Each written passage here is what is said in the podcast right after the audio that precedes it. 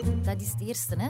Je mag geen tekst horen. Je moet eh, een gesprek horen, je moet een emotie horen, je moet uh, een situatie horen, maar niet tekst. Vanaf dat je voelt dat die is aan het lezen, is het fout. Ahoy mateys en welkom bij Podcast Goud. Een podcast over podcast. De plek waar je als podcast-creatieveling, aspirantmaker of gepassioneerde luisteraar alles ontdekt over je favoriete creaties en tips, tricks en learnings hoort uit de mond van die makers.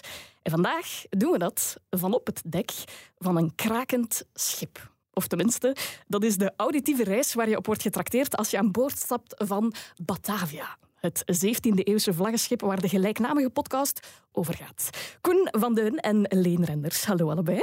Hallo. Welkom. Uh, jullie maken deel uit van de Batavia Crew, om het zo te zeggen. Uh, Koen, jij hebt het concept verzorgd, het scenario en de research van Batavia. Jij bent degene die met dat verhaal van Batavia richting het geluidshuis is gestapt ook.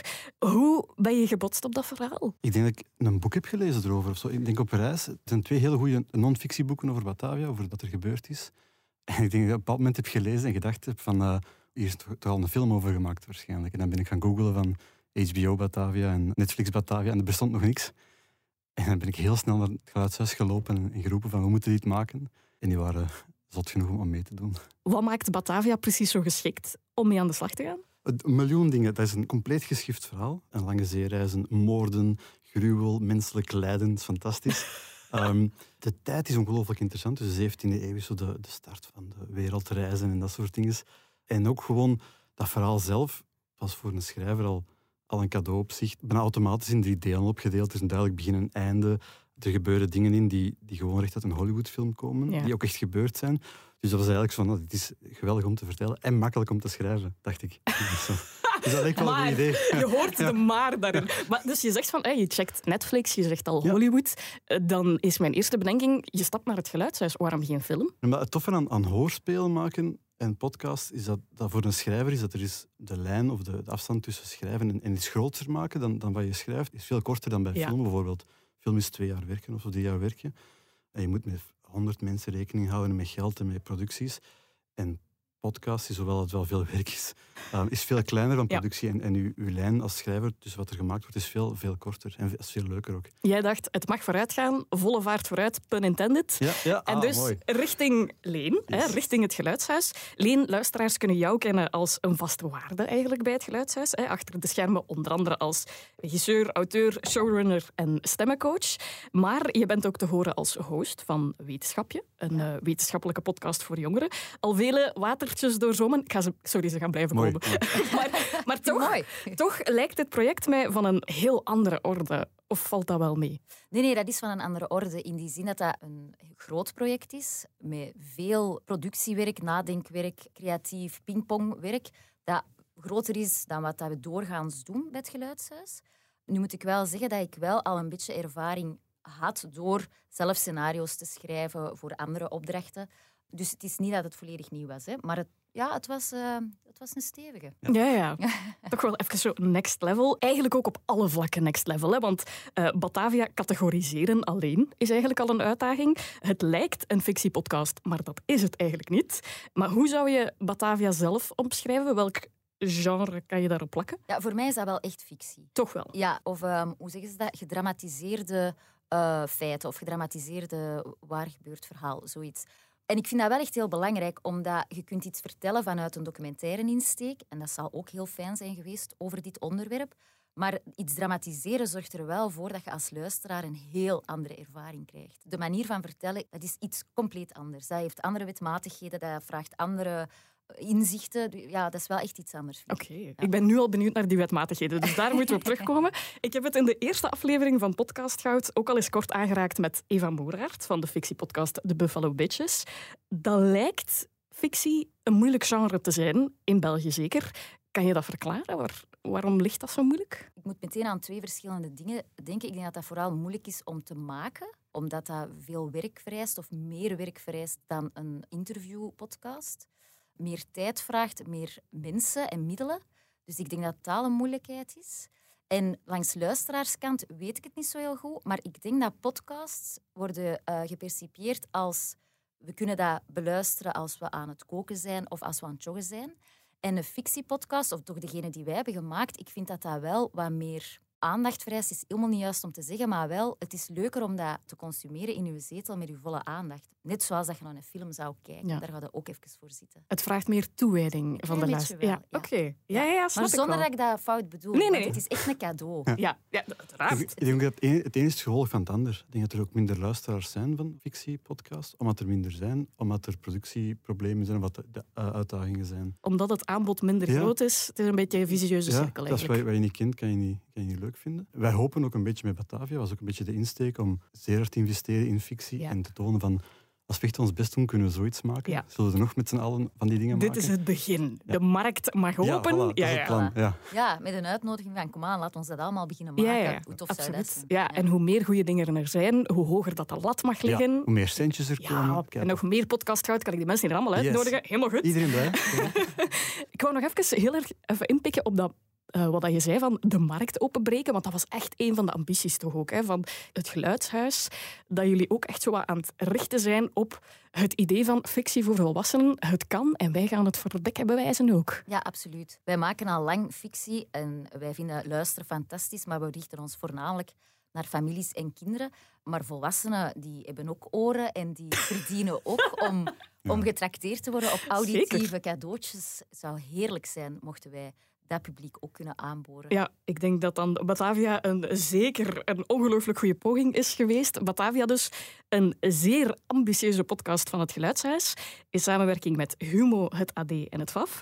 Maak je borst maar nat, want in deze aflevering van Podcast Goud varen we in het kielzog van Leen en Koen om alles te weten te komen over een maakproces en om te ontdekken hoe we daar zelf misschien ook nog straffer audio uit kunnen puren als makers.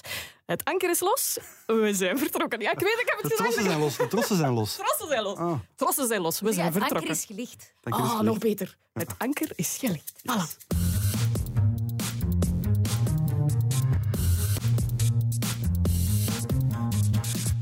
Beginnen doen we met een fragmentje uit de eerste aflevering. Het moment waarop we kennis maken met het schip. Koen, voordat we onze zeebenen testen, kan je nog vlug heel even schetsen waar Batavia over gaat? Het ganse verhaal. In, eh, in een notendop. Ja. Eh, Batavia gaat- over een, een gruwelijke zeereis van een, ehm, een VOC-schip, dus een schip van de Verenigde Oost-Indische Compagnie, dat in 1628 van Amsterdam naar de stad Batavia is gevaren, op het eiland Java, en daar eh, nooit deftig is aangekomen. Door een aantal zeer foute figuren aan boord. Spoilers, loopt dat schip op de klippen voor Australië. Spoilers. Spoilers. Is, het is, mannetjes, het is uit 1628. Ja, voilà, gaat tijd dus genoeg. Gaat het wel kunnen weten. Ehm, en na het op de klippen lopen wordt het allemaal nog erger, want die slechte mensen aan boord beginnen eh, daar een schrikbewind en alles loopt fout en gaat gruwelijk fout. Alles loopt fout, maar op een voor ons alleszins zeer entertainende manier. Foute mensen dat we zijn. Ja, voilà. De grote reis staat op het punt van te beginnen. En voordat we vertrekken krijgen we een zeer levendig beeld geschetst van eh, het 17e-eeuwse Nederland door het schip. Negero kon zijn twee soldaten en de twee dames daar in de sloep. Stop rocking the fucking boat! Zwaantje, zit stil. Want daar, zie, voor anker, midden in het water van het ei, daar lig ik, te blinken in de zon.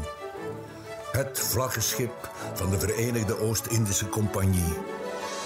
57 meter dubbel gelaagd en geteerd Deens eikenhout. Drie masten, vier dekken. Nu al bijna 300 mensen op mijn dek en in mijn ruim. De meest complexe machine van mijn tijd. De trots van onze Verenigde Nederlanden. Klaar voor mijn eerste reis naar de stad in het verre oosten die mijn naam draagt. Batavia. Dit is mijn verhaal. Het had een schoon verhaal kunnen worden. Het had een schoon verhaal moeten worden. Waren het niet voor één man.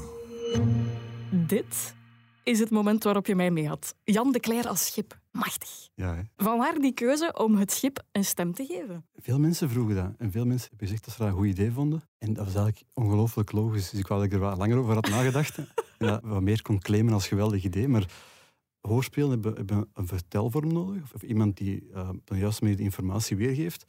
En soms lukt dat met een van de figuren. Maar vaak heb je gewoon iemand nodig die, die erboven staat en vertelt. in dit geval was dat ongelooflijk logisch dat dat het schip zou zijn. Omdat het ook over dat schip gaat voor een deel. En ik vond dat zelfs zo logisch dat ik veel te veel tijd heb geknoeid met, met proberen om bijvoorbeeld elke aflevering een andere verteller te maken. En dan bleek gewoon dat dat schip veel toffer was. En dan kunnen ze wel van die grootste zinnen gebruiken, want de meeste mensen praten normaal in, de, in, de, in Batavia, maar dat schip heeft wel zo wat extra veel beeldtaal en extra veel grote woorden. En dat is eigenlijk wel heel leuk als schrijver om, om even over de top te mogen gaan. Dat is wel tof. Ik vind dat ook dat dat heel hard bijdraagt aan de sfeer of aan de, ja, het visueel zetten van waar dat we naar aan het kijken, luisteren zijn. Het is poëtisch, het is groot. Je kan daar als maker ook heel schoon mee aan de slag, denk ik dan. Hè? Zeker en vast. Ik vind ook inderdaad dat de tekst die het schip heeft gekregen, dat dat extreem poëtisch is. Bij momenten heb ik tijdens het maakproces ook gedacht, we moeten minder sound effects hieronder zetten. De muziek en de stem alleen is meer dan voldoende omwille van die een tekst en het beeld dat je met die tekst wilt scheppen te doen overbrengen. Dat is zo schoon. Jan doet dat op zo'n mooie manier. Laat dat zijn zoals dat is. Je moet er niet meer te veel nog bij willen doen of zo. Dat vond ik wel heel fijn om Ja. te ervaren. Het is ook die Ja. combinatie met de muziek, het stuk dat we juist hebben gehoord. Die muziek breekt open als men over zichzelf praat. En die valt naar beneden, die, die wordt dissonant. Op het moment dat het over zo... Het had een mooi verhaal moeten worden. Bam. Waren niet voor één man. En dat is, is de combinatie van, van Jan de Cler en Koen Brandt die de muziek schrijft eronder. Is zo, ja, ik had mijn boodschappenlijstje kunnen neerschrijven en dat nog goed Het ging heel episch geweest. Dat is inderdaad Dat- een heel grote verdienste luxe, van ja. filmische muziek en het multitalent Jan de Cler natuurlijk. Maar die VO, die voice-over, is niet minder belangrijk, want ik vermoed dat die voice-over, in dit geval dus het schip, een soort van fundament is om de rest zo'n beetje rond te bricoleren, de verschillende verhaallijnen. Maar die puzzel die leg je uiteraard niet zomaar.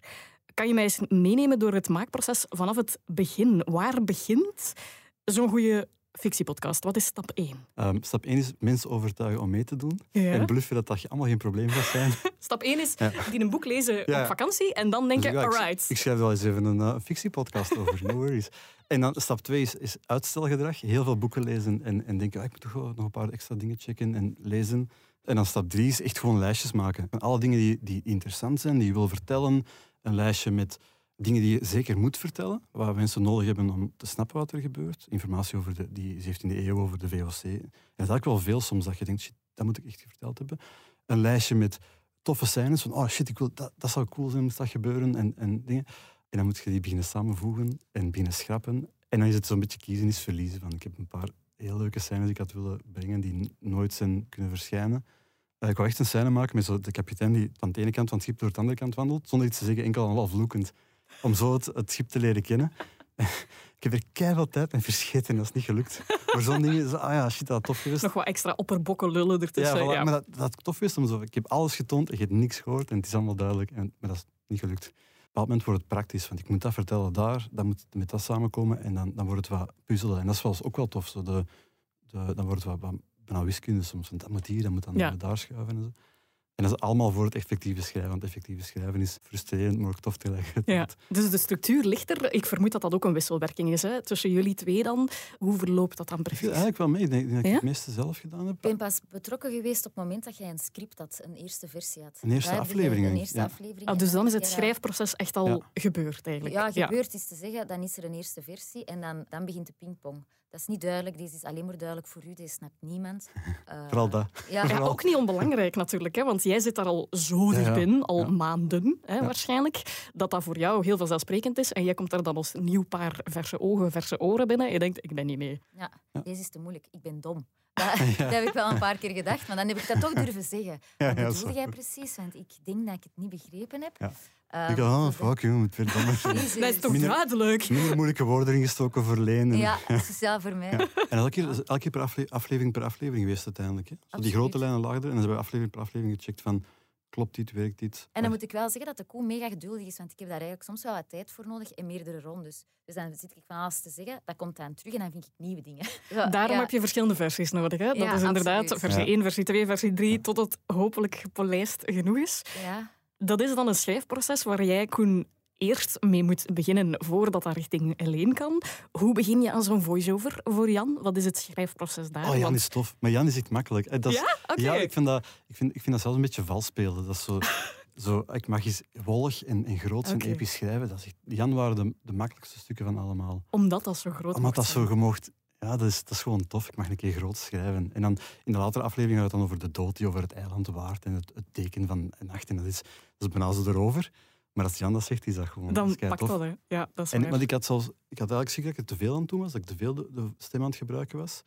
Ik heb het zoveel mogelijk beperkt, omdat ik het gewoon te leuk vond. En dat is, dat is meestal zo teken dat ik te veel aan het schrijven ben. En achteraf denk ik dat we, dat we hem zelfs wat, wat meer hadden mogen gebruiken. Op het moment dat, er, dat we voelden van oei, het verhaal is niet duidelijk, hebben we een paar keer Jan opnieuw dingen laten inspreken. Tussen dingen Ik, laten ik weet dat ik zelf als luisteraar vreesde. Je hebt eigenlijk heel het hele traject, zolang dat die vaart, heb je een heel logische reden om Jan te horen. Ja. Hè? Want hij is het schip en hij leidt jullie erdoor en hij weet wat er gebeurt in zijn ruim en in zijn Ja. hè, tussen de ratten door. Maar ik weet dat toen dat hij dan ja, letterlijk op de bodem van de oceaan belandt, dan dacht ik, oei, en nu? Want je hebt nog altijd wel kadering nodig Ja. natuurlijk. En dat maakt het dan wel moeilijk. Het is een cliché dat vaak opduikt bij het maken van media, show, don't tell. Ja. Hè? Maar hoe doe je dat in het geval van audio, waar die tel vaak Ja, wel is- echt noodzakelijk is? Hoe zorg je ervoor dat een voice-over visualiserend werkt zonder uitleggerig te zijn? Dat is een van de dingen waar als we babbelden over zo, wat is er juist of niet juist in een script, is het vaak dat Leen tegen mij moest zeggen, het is nog niet duidelijk genoeg, of het is duidelijk in je hoofd, maar nog niet duidelijk voor de luisteraar.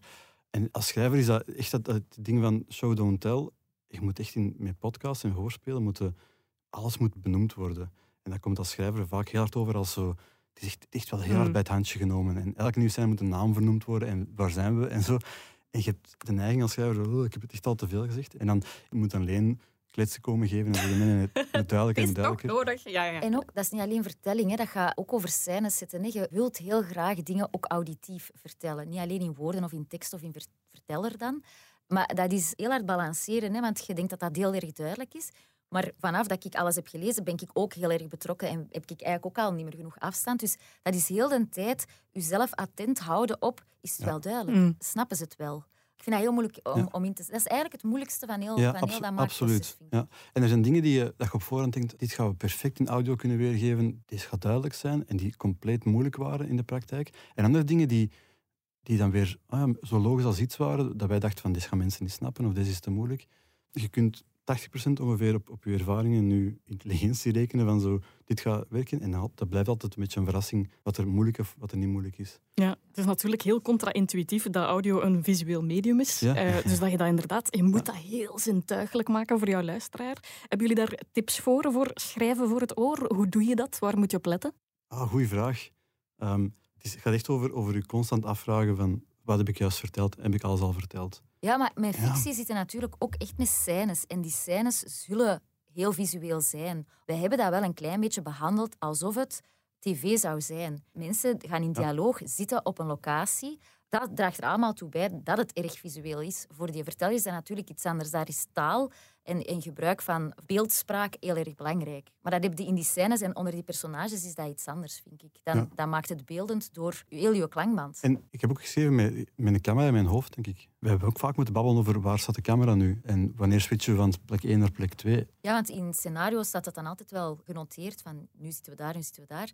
Dat lijkt dan zeer logisch op papier, maar dan beginnen dat te doen. Dan denkt je, wacht even, dat, dat switcht hier super raar, dat kunnen we niet doen. Of zo, we moeten toch even dichter bij die persoon blijven. Of, ja, dat Ja. is knutselen. Hè? En als Dat audio is, het- maakt dat veel moeilijker dan tv. Of dan, dan, dan beeld. Beeld is dat gewoon, ja, je ziet Nee. het is meteen duidelijk wie er aan, het- aan het praten is. In audio niet. In audio moet je altijd opnieuw benoemen wat er aan het gebeuren is. En dat is wel een uitdaging soms. Het is zo de redundancy proberen elimineren. Ja, ja, Echt, en toch ja. duidelijk zijn, dat is moeilijk soms. Ja, oké, dus ik onthoud dan schrijven voor het oor. Als voice-over, als verteller, is dan zoveel mogelijk proberen elimineren, de cruciale elementen overhouden en paint a picture. Volg de camera. Ja, dat is kei mooi gezegd. Dat helpt niemand volgens mij te camera. Ay, dat is zo, ja. Hoe moet Ja, Niet- ik heb niet gezegd dat het makkelijke tips Wat gingen zijn. Hè. Maar wel eerst te veel schrijven. Het is veel gemakkelijker om te schrappen, zelfs achteraf in montage, Ja. dan dat je het niet hebt, Ah, dat je het niet hebt gemaakt. zie, dat is een niet- keigoeie tip. Ja, dus ja. beter te veel dan te weinig. Schrijven, dat- schrijven, schrijven. Schrijven, schrijven, schrijven. En dan heel kritisch zijn. Schrappen, schrappen, schrappen. En als je onzeker bent, laat het maar staan. Neem het maar op. We kunnen het in montage ook nog altijd Ja. schrappen. Als je het niet weet, zorg dan tenminste dat het duidelijk is. Toptip. Ja? Yes, yes, toch een tip gegeven. Goed.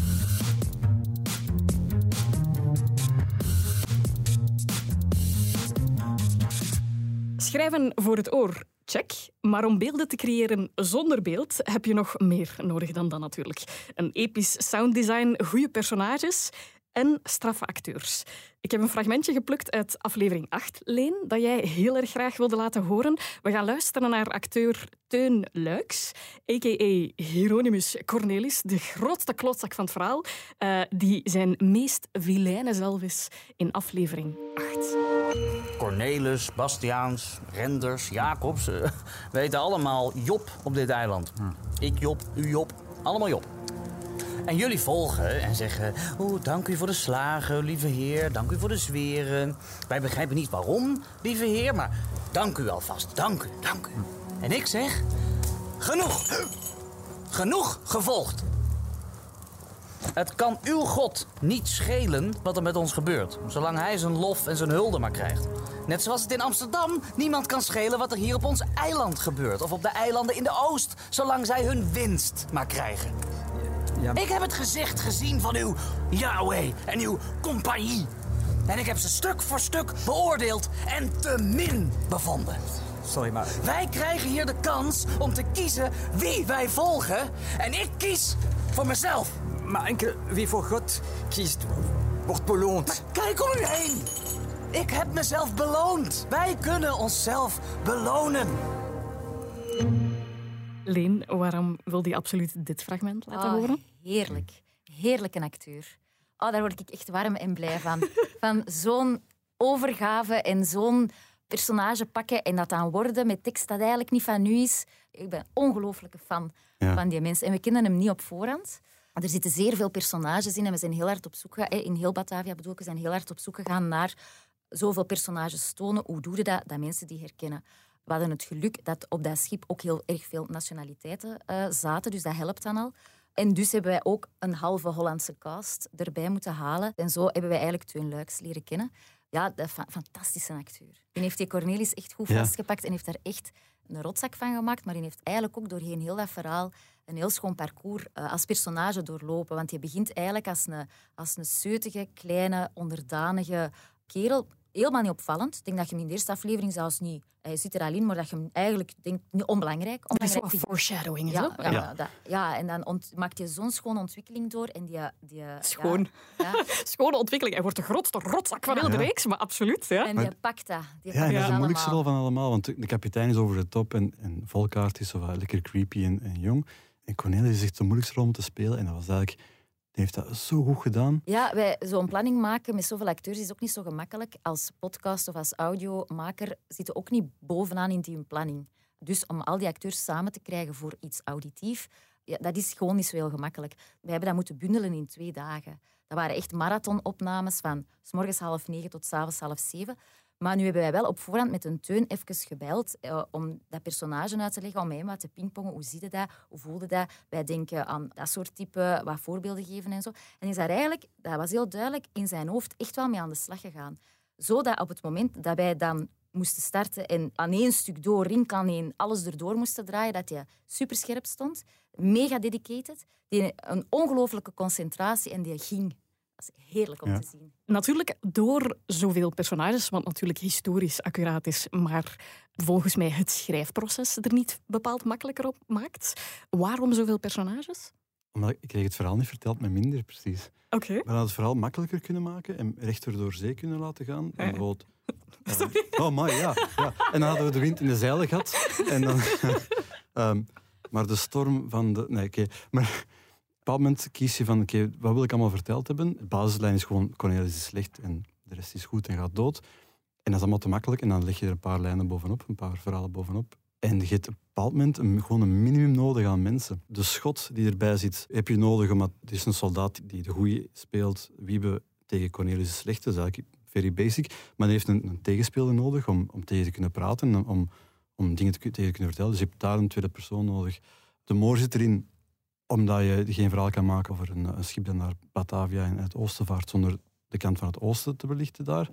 Je hebt ook wat mensen nodig die moeten doodgaan. Want je kunt moeilijk zo over, over 80 moorden spreken en niemand hebben leren kennen die gaat doodgaan. Dus, je- je- alles loopt op na een tijd. Al die stemmen Ja. zijn nodig om ze da- daarna Ja. te kunnen killen. Ja. Ik heb ook pas, ik denk dat ik dat gelukkig pas tijdens het schrijven ontdekt hoeveel mensen dat erin moesten. En nooit niet heb verteld toen we de productiekost berekenden. Dat, dat is natuurlijk ook wel een, een mopje achteraf, eh, waar je dan ook nog mee aan de slag moet. Hè? De, de, de kost? Ja. Ja, dat is wel, dat is, maar daar gaan we over zwijgen, denk ik. ja, Dat is opnieuw. niet ons Dat is niet mijn- Ja, dat niet mogen ons probleem. gewoon- Nee, Hey. dat, is, dat is voor... Het is ook- Nee, maar vandaar dat ik ook zei, dat internationale verhaal is budgetair natuurlijk ook interessant, want dan krijg je potentieel, hè, met Nederland erbij, ook al een extra luisterpubliek. Ja, dus het is echt een co-productie van ehm, het, het FAF langs de ene kant ehm, en DPG België en Nederland. We konden ook niet maken om geen Nederlanders in te steken dan. Ook, een Nederlands het gaat ook over, een, over een Het- 17 jaar allee. Nederlands schip en zo. Dus. Het voelt niet bij de haren getrokken. Ik denk dat dat anders wel zou storen. Um, Leen, jij bent niet alleen degene die die opnames eh, in goede banen heeft geleid, hè, die opnamemarathons dan, maar jij regisseert dat natuurlijk ook. Hoe moet ik mij dat voorstellen, dat stemmen coachen? Maar dat is zo'n moeilijke vraag. Ik ben iemand die dat zeker een idee heeft in mijn hoofd van hoe iets moet klinken, welke emotie dat er moet overgebracht worden en welke boodschap. Maar ik probeer wel open te blijven om eerst te horen wat ik krijg. Zo'n acteur, dat is een mens met hersenen en ideeën en die heeft dat gelezen en die heeft nagedacht over dat personage en die heeft dat in zijn hoofd al wat vorm gegeven. En ik vind dat heel belangrijk om ook wel even te zien wat dat je krijgt omdat ik wel op zoek ga naar een bepaalde naturel, naar eh, geloofwaardigheid en, en waarachtigheid. Geloof ik die mens? En dat is zo een beetje eh, schipperen tussen wat wil ik eigenlijk horen, hoe was dat personage in mijn hoofd en wat krijg ik? En dan eh, ja, ergens, ergens elkaar halverwege ontmoeten of zo. Concreet hoe dat het eraan toe gaat, is dat de mens krijgt een script, die speelt dat en ik ben dan degene die dat zegt van... hier moet, eh, dat is het parcours dat je aflegt. Dat is helemaal nog niet duidelijk. Die emotie daar zit niet zo heel goed. De opbouw, we moeten een schonere opbouw krijgen. Je bent al te snel te boos of te zo. En dan probeer ik dat wat te sturen naar de juiste richting. Ja, want waar moet je op letten om een geloofwaardige scène te creëren? Voor mij gaat dat voor een deel over, over eh, het moet zingen. Het moet voortrollen op een moment. En dat kan zijn door een voice-over als Jan die moet zingen. Dat moet zo, de ene zin moet op de andere volgen op een mooie manier. En dan is het goed. Bij een dialoog ook. Die moet op elkaar kloppen. Ja, dat moet tiktakken. Tiktakken, dat moet, ja. Dat moet, ja, dat is het eerste. Hè? Maar dat is zo logisch dat ik daar zelfs niet aan denk. Vanaf dat je tekst hoort, is het fout. Je mag geen tekst horen. Je moet eh, een gesprek horen, je moet een emotie horen, je moet eh, een situatie horen, maar niet tekst. Vanaf dat je voelt, die is aan het lezen, dan is het niet goed of zo. Het mag Ehm, niet gescript voelen. Het mag niet Ja, gescript en daarom voelen. dat ik Jan de Cler, schrijven voor Jan de Cler, voor het schip schrijven, zo wat vals spelen vond. Want dat is wel wat, wat textueel schrijven. Dat is wel zo wat- ja, en daar mag het wel. Ja, en ik vond dat zo Ja. Het is wat vals spelen, want het mag normaal niet. Ja. Ja, en maar, maar wat wij wel doen, uiteraard probeerde op voorhand dat script zo zuiver mogelijk te krijgen en zo goed mogelijk te krijgen. Maar vanaf dat je in de studio zit, gebeurt dat heel de tijd dat je daar nog zit te schrappen en te veranderen en woorden van plaats wisselen en andere woorden. En ook te zeggen van ja, ik voel dat dat niet uw woord is. Ik merk dat als jij Ja, dat zegt, ja. dat dat niet uw woord is. Pak een ander woord. Hè. Met dezelfde inhoud uiteraard, dat mag niet veranderd worden. Maar daar is wel heel erg veel vrijheid om daar nog aan te tweaken. En wat dat ook niet onbelangrijk is, wij hebben dat niet chronologisch opgenomen. Wij hebben dat gebundeld zoals dat in tv gaat per personage. Je zit in, scène- in aflevering 8 en dan moet het terug naar aflevering 3, want er is een nieuwe acteur bijgekomen. Waardoor dat je als regisseur ook dat wel echt in doog moet houden. Klopt wat dat je doet in het grotere verhaal? Zit die emotie juist?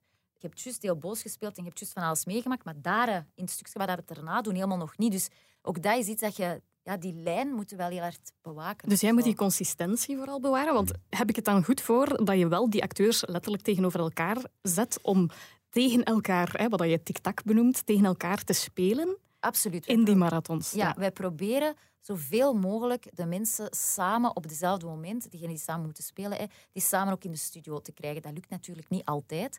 Als je dat niet doet, dan speel je zelf tegen als regisseur. Of, want ik vind dat heel erg moeilijk, iemand die er dan bij zit speelt tegen. Maar dan de magie of hetgeen wat dat kan ontstaan tussen twee mensen, tussen twee personages, heel dat groeiproces heb je niet dan. Dus ik vind dat superbelangrijk om die mensen samen in de studio te krijgen. Op voorhand heb je bijvoorbeeld met Cornelis en met Teun dan overlopen van we gaan, voordat we in die studio duiken, voordat we die opnamemarathon starten, even overlopen van wie is dat personage. Dat is eigenlijk ook een soort van character building om ervoor te zorgen dat die opnames dan zo efficiënt mogelijk kunnen verlopen, zeg maar. Dat is eigenlijk de goede tip. Ja. Praat op voorhand. En dan bedoel ik niet een half uur voordat je effectief start, maar echt een week, twee weken, drie weken op voorhand met je acteurs. Legt dat verhaal uit. Vertelt welk personage dat, dat is, welke evolutie dat die moet doorgaan. Waardoor dat, dat ook in die hun hoofd kan beginnen leven. We hebben dat niet met alle personages gedaan, we hebben dat wel echt met een aantal gedaan. En dat is echt gebleken dat dat Eén makkelijker was in opname, maar dat die personages ook juister zitten. Dus eigenlijk is dat dan, neem je acteurs mee in dat maakproces, mee in dat bad. ja. ja. absoluut.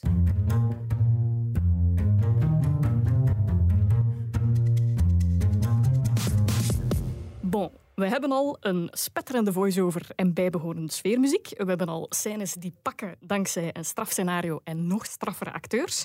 Maar dan zijn we er nog altijd niet, want om die scènes geloofwaardig te laten klinken, is er uiteraard ook sounddesign nodig. En daarvoor hebben de acteurs van Batavia moeten afzien. Ik haal er heel graag een fragmentje bij uit aflevering 11, waar twee personages, kapitein Jacobs en Zwaantje, op het punt staan om te verzuipen. Nee, nee, nee, niet in het water!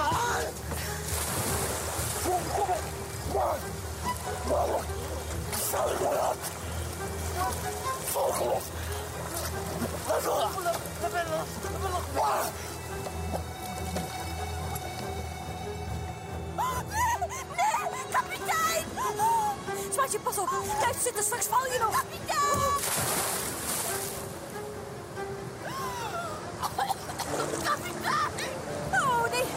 Zwaantje, Zwaantje, wacht. Ehm, Hier, hier. Pak vast. De roeisbaan, hier. Pak hem vast.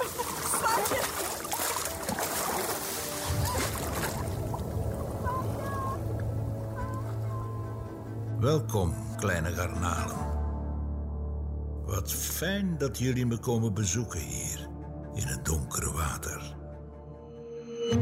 Ik moet eerlijk bekennen, toen ik dit hoorde, dacht ik aanvankelijk dat het een kwestie was van vakkundig eh, geluidsdatabases uitspitten tot een mooie mix van ambigeluiden.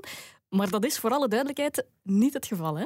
Nee, nee, wij hebben een heel erg lange zoektocht afgelegd. Hoe laat je mensen verdrinken in een droge studio? We hebben er een heel parcours in afgelegd. We hebben gedacht, we moeten naar buiten. We gaan dat eh, bijvoorbeeld in de vijver in Antwerpen. Je een, een openluchtvijver, zwembad ding. We gaan dat daar doen, maar daar is te veel omgevingsgeluid, dus dat gaat niet. We hebben gedacht, we gaan naar de zee. Maar ook dat, vanaf dat je een foute vogel hoort overvliegen of een vliegtuig of in de verte iets, dat klopt dan niet meer historisch.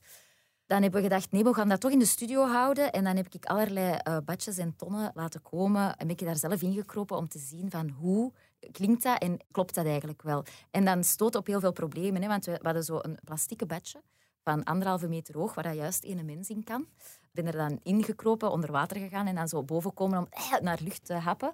Maar dat afzetten, dat zorgt ervoor dat je contactgeluid hebt van je hand tegen de plastic, waardoor dat, dat dus onbruikbaar werd. We hebben een heel parcours afgelegd om dan uiteindelijk uit te komen bij de curverbak. Als je die hoog genoeg vult met water en je positioneert je micro juist, dat hem er goed kan inspreken, dan kun je op een heel geloofwaardige manier verdrinken. Wacht, wa- waar zit die micro in dat scenario? Ja, we hebben micro's in het water gestoken, condooms over, over micro's getrokken en die er dan ingestoken om, om dat een beetje juist te doen klinken. Heel grappig allemaal. Maar we hebben met een pers gewerkt. Dat, ja, dat is natuurlijk een hele uitleg aan die acteur. Dat is de beweging die je moet maken. En als je boven komt, moet je naar daar praten, anders hebben we het niet. Dat is ook heel erg veel herhalen en opnieuw doen, opnieuw doen, opnieuw. Dus die acteurs maar verzuipen en verzuipen. Ja, wij hebben ook gezegd, pak een extra t-shirt mee, want je Ja. gaat nat zijn. Ja. Want dat is het natuurlijk iets waar Foley artists echt meester in zijn, is hoe je een geluid authentiek laat klinken. Want je denkt dan van, we nemen het op en we hebben het. Maar heel vaak zijn de geluiden die je hoort niet de geluiden die je moet opnemen. Hè? Dus waar moet je zo wel rekening mee houden? Wij hadden echt de meester van de Van sound Foley. design en Ja. Frank Duchesne. Die heeft het allemaal gefixt gewoon. Uiteraard werken wij met banken boordevol geluiden, maar niet alles dat je daarin vindt klopt of is juist of, of daar kunnen mee aan de slag. De Frank is iemand die dat heel veel dingen zelf knutselt. Die heeft eh, een houten box gemaakt met gaten in waar daar houten stokken in staken, met een koord. En dan, als je daar dan aan draait, dan hoor je zo dat opspannen van dat koord, maar ook het gekraak van dat hout. En dat met een zotte galm erover is dan het gekraak van het schip. Wij hebben al, dat was nu niet voor dit project, maar eh, er moesten schedels over de grond rollen. Ja, wij hebben heel hard op zoek moeten gaan. Wat klinkt er als een schedel die over de grond rolt? En uiteindelijk was dat een bloemkool. Hebben wij met bloemkolen door de studio gegooid om dat te maken. Dus je creëert wel je auditieve wereld die dat je zo dik of dun maakt als dat je zelf wilt. Wij hebben er echt voor gekozen om dat zo realistisch mogelijk te doen. Ja, voilà. En dan moet je dat volhouden natuurlijk. Maar dan Ja. nog heb ik keuzes gemaakt om te zeggen van oké, hier zou er normaal gezien veel meer lawaai zijn of veel meer gebeuren, maar je gaat die dingen weg om het toch duidelijk te maken. Het is altijd in functie van je verhaal. Hè? Ik vind ik jou een voorbeeld van waar je pas over nadenkt als je het aan het maken bent, is ehm, de scène waarin, waarin ehm, het schip zinkt. De En de de, de, verdrinkingsscène, zo, schipbreuk. ja, ja, schipbreuk-scène. We wouden die zo, zo straf mogelijk maken. En daar hebben we gezegd, van, ja, nu is er te veel lawaai, we gaan wat minder doen of wat meer doen. Maar wat daar bijvoorbeeld gebeurt, is... Op een bepaald moment werd er besloten om, om de muziek mee onder water te trekken. En dus vanaf dat iemand onder water gaat, hoort ook de muziek veranderen. En, en dat geeft zo'n goed effect. Dat is ook niet echt, Want dat kan niet echt zijn. Er is geen muziek, maar er heeft wel effect op die muziek. En, maar dat maakt het wel ongelooflijk veel beter. En dat is, Ja. ja. Ja, je, je moet inderdaad eigenlijk op elk moment van dat maakproces je luisteraar meenemen in die wereld Ja. die je hebt geschapen. En, en soms, dat, soms dat zo echt mogelijk maken en soms dat dan duidelijk Het tegenovergestelde. het tegenovergestelde. Echt vals spelen en echt iets anders doen dan je, dat je gewoon zit. Het moet gewoon graaf klinken. Misschien is dat de belangrijkste tip. Het moet graaf klinken. En durf je acteurs te verzuipen als je verhaal er beter van Ja, wordt. het moet graaf klinken, is wel de algemene tip van, van, eh, van die podcast. Voilà. Ik denk dat jij dat heel veel hebt gezegd. Ja, gaan dat gewoon graaf doen klinken. Ja, ik, ik wou eigenlijk gewoon mijn teksten op muziek hebben. Ik, dat was eigenlijk mijn hoofddoel. Ik wou gewoon, Al de rest was bijzaak. maar ja, zo een tekst mogen schrijven en iemand zet er filmmuziek onder. Dat is een, een cadeau, dat is Ja. ongelooflijk. Ja. Oké, Ja. het moet graaf klinken. En dat is gelukt. Klaar? Die acteurs waren bijzaak voor mij. Gewoon filmmuziek.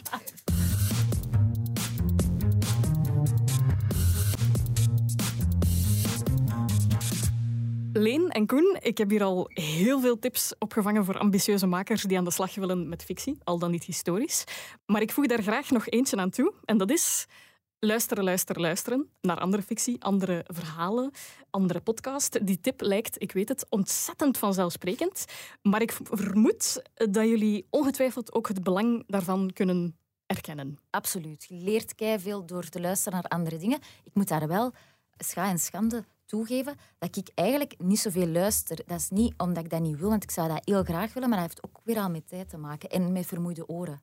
Als ik een hele dag heb geluisterd en in de studio heb gezeten, dan heb ik soms ook graag wel even geen geluid of zo. Dus ik luister te weinig. Dat moet ik echt een beetje toegeven wel. Maar de Koen die haalt dat ruimschoots voor ons beiden in, want jij luistert superveel, Ja. toch Koen? Dat valt eigenlijk wel mee, maar ik doe nou om jaloers te worden vooral. Goh, deze had ik willen maken. Ja, dat, je dat vind ik Ja. het beste als ik dingen hoor. Dat ik denk, oh, motherfucker, ik had dat willen maken. Nu ben ik jaloers. Dat is het beste wat Dat is er het is. beste dat er is. Ja. En dat is, ook, dat is mijn graadmeter voor goede podcasts altijd. Als het graaf ik, is. Ben ik jaloers? Ah, ja. Ja. Ja. of ehm, ben ik aan het luisteren als luisteraar of aan het luisteren als maker. Als een Ja. verhaal echt goed is, Mm. dan, Mhm. zit dan, dan zit de luisteraar geworden. Ja. als dat Ja, gebeurt, ja. dan, dan weten van... Dan zijn ze niet meer bezig met de foefjes. Nee. Dan zijn ze gewoon... Ja. Dan zit het ermee in en dan denkt je, fuck, het is gelukt. Maar dat is een groot compliment dan. Hè? Dat is een ja. fantastisch compliment. Oké, dus dat gezegd zijnde, dan verwacht ik ook geweldig goede luistertips natuurlijk. Welke podcasttip wil jij graag meegeven, Leen? Ik denk dat ik eh, als podcasttip wil meegeven K63. Oh, ja, Ja, want? Ja, ik vind dat heel straf geschreven. Als in die dialoog is natuurlijk klopt. Het is keigoede acteurs. En dat is vrij... Ik bedoel dat niet negatief, dat eigenlijk heel positief. Dat is vrij simpel. Dat is minimalistisch inderdaad. Ja, eigenlijk gebeurt er niet bijzonder veel. Nee. Het is vooral dialoog. Ja. Eigenlijk is dat vrij droog Dat gemaakt vrij droog. en, toch zit er helemaal Ja. mee. Ja. Zit er helemaal ook een mooi voorbeeld van een schrijver die heeft gezegd heeft tegen zichzelf oké, alles gaat in deze kamer gebeuren met één tapeje en, Ja. en alle dialogen moeten daarin gebeuren. Op Eigenlijk heel theatraal. eh, Ja. Eigenlijk ook vergelijkbaar met wat bijvoorbeeld een Jan de Cler voor jullie heeft gedaan in Batavia. Alles staat of valt daar met die acteerprestaties. Je hebt dan een Julianne Moore, een Oscar Isaac, die dat, dat probleemloos kunnen dragen. Dat. En dan is dat heel sterk natuurlijk. K63 kan hem ook alleen maar aanraden. In Spaans zijn er al meerdere seizoenen van. Dus wie dat er Spaans kan... Ah, echt? Ja, ja, ja. ja. Ah, is dat Ah. origineel in het Spaans? Caso 63. En daar is dat een Ah, van de grootste podcasts van eh, Latijns-Amerika, denk ik. Pak mij er niet op, exact weet ik niet. Maar gigantisch En loopt dat succes. voort op hetzelfde verhaal? Of is Ja, dat een nieuw ja, verhaal? ja. Ah, mai. Ja. Ah, dat is goed. Dus het Ah. zou ook kunnen dat de seizoenen die in het Spaans zijn Ja, gemaakt ja. ook een vervolg. Ah, tof, zouden kan kunnen krijgen. Geen idee van, maar ik kan het alleen maar aanraden. Ah, tof. Ja. Dus K63, we zullen het maar houden op de Engelse tip voorlopig. K63 en Koen, Ehm, welke mag daar nog bij? Ehm, Hoe is Aldrich Camp? Engelse fictiepodcast, geschreven door Julian Simpson. En dat is geniaal en geweldig om een paar verschillende redenen. Ik denk eigenlijk om de omgekeerde reden van K63. Ja, echt. Als in, ehm, dat is een podcast waarin hij het zichzelf en de luisteraar moeilijk maakt. Oké. Ehm, het is een soort, een soort Mission Impossible, James Bond, geheim agentenverhaal. En er gebeurt extreem veel in. En je wordt als luisteraar meegetrokken, maar je moet wel je best doen om bij te blijven. En dat is ook deel van, van zijn werk, is deel van een groter, groter wereld. Hij heeft ook de Lovecraft Investigations. En dat is het actualiseren van Lovecraft-verhalen in, in tegenwoordige tijd. En al die werelden lopen een beetje samen. Dus vanaf dat je begint te luisteren naar werk van Julian Simpson, begin je andere dingen te ontdekken. En het is allemaal keigoed geschreven en extreem goed geacteerd. Allemaal goed. En daarmee hebben we ook ineens de variëteit van het fictiepalet Ja. ook geduid. Hè. Inderdaad, compleet tegenovergestelde. Allebei binge-worthy material gegarandeerd. Net zoals Batavia zelf, uiteraard. En oh, dankjewel. Als die nog niet op de radar stond ondertussen, dan moet die vooral... Op de, kaart, op de zeekaart stond? Is dat... Op de, ah ja. Ah, Had ik nog een zee? Heb ik Ja. een zeepun gemist? Of de sonar. Sorry. Eh, nee, dus als die nog niet op de radar stond, dan moet die vooral toegevoegd worden aan het luisterlijstje. Net zoals alle eerdere afleveringen van Podcast Gouds, waarin je telkens tips, tricks en learnings krijgt van de beste podcastmakers van het land. Leen, Koen, merci om ons mee aan boord te hijsen van de Batavia. Bedankt dat we mochten komen. Ja, merci heel mooi. En ook volgende maand zit je hier goed voor een inkijk in het Belgische podcastlandschap. Deel Podcast Goud dus vooral ook met alle audiofielen in uw omgeving, om zo nog beter luistergrief de wereld in te krijgen. Bedankt om te luisteren en heel graag tot de volgende aflevering van Podcast Goud.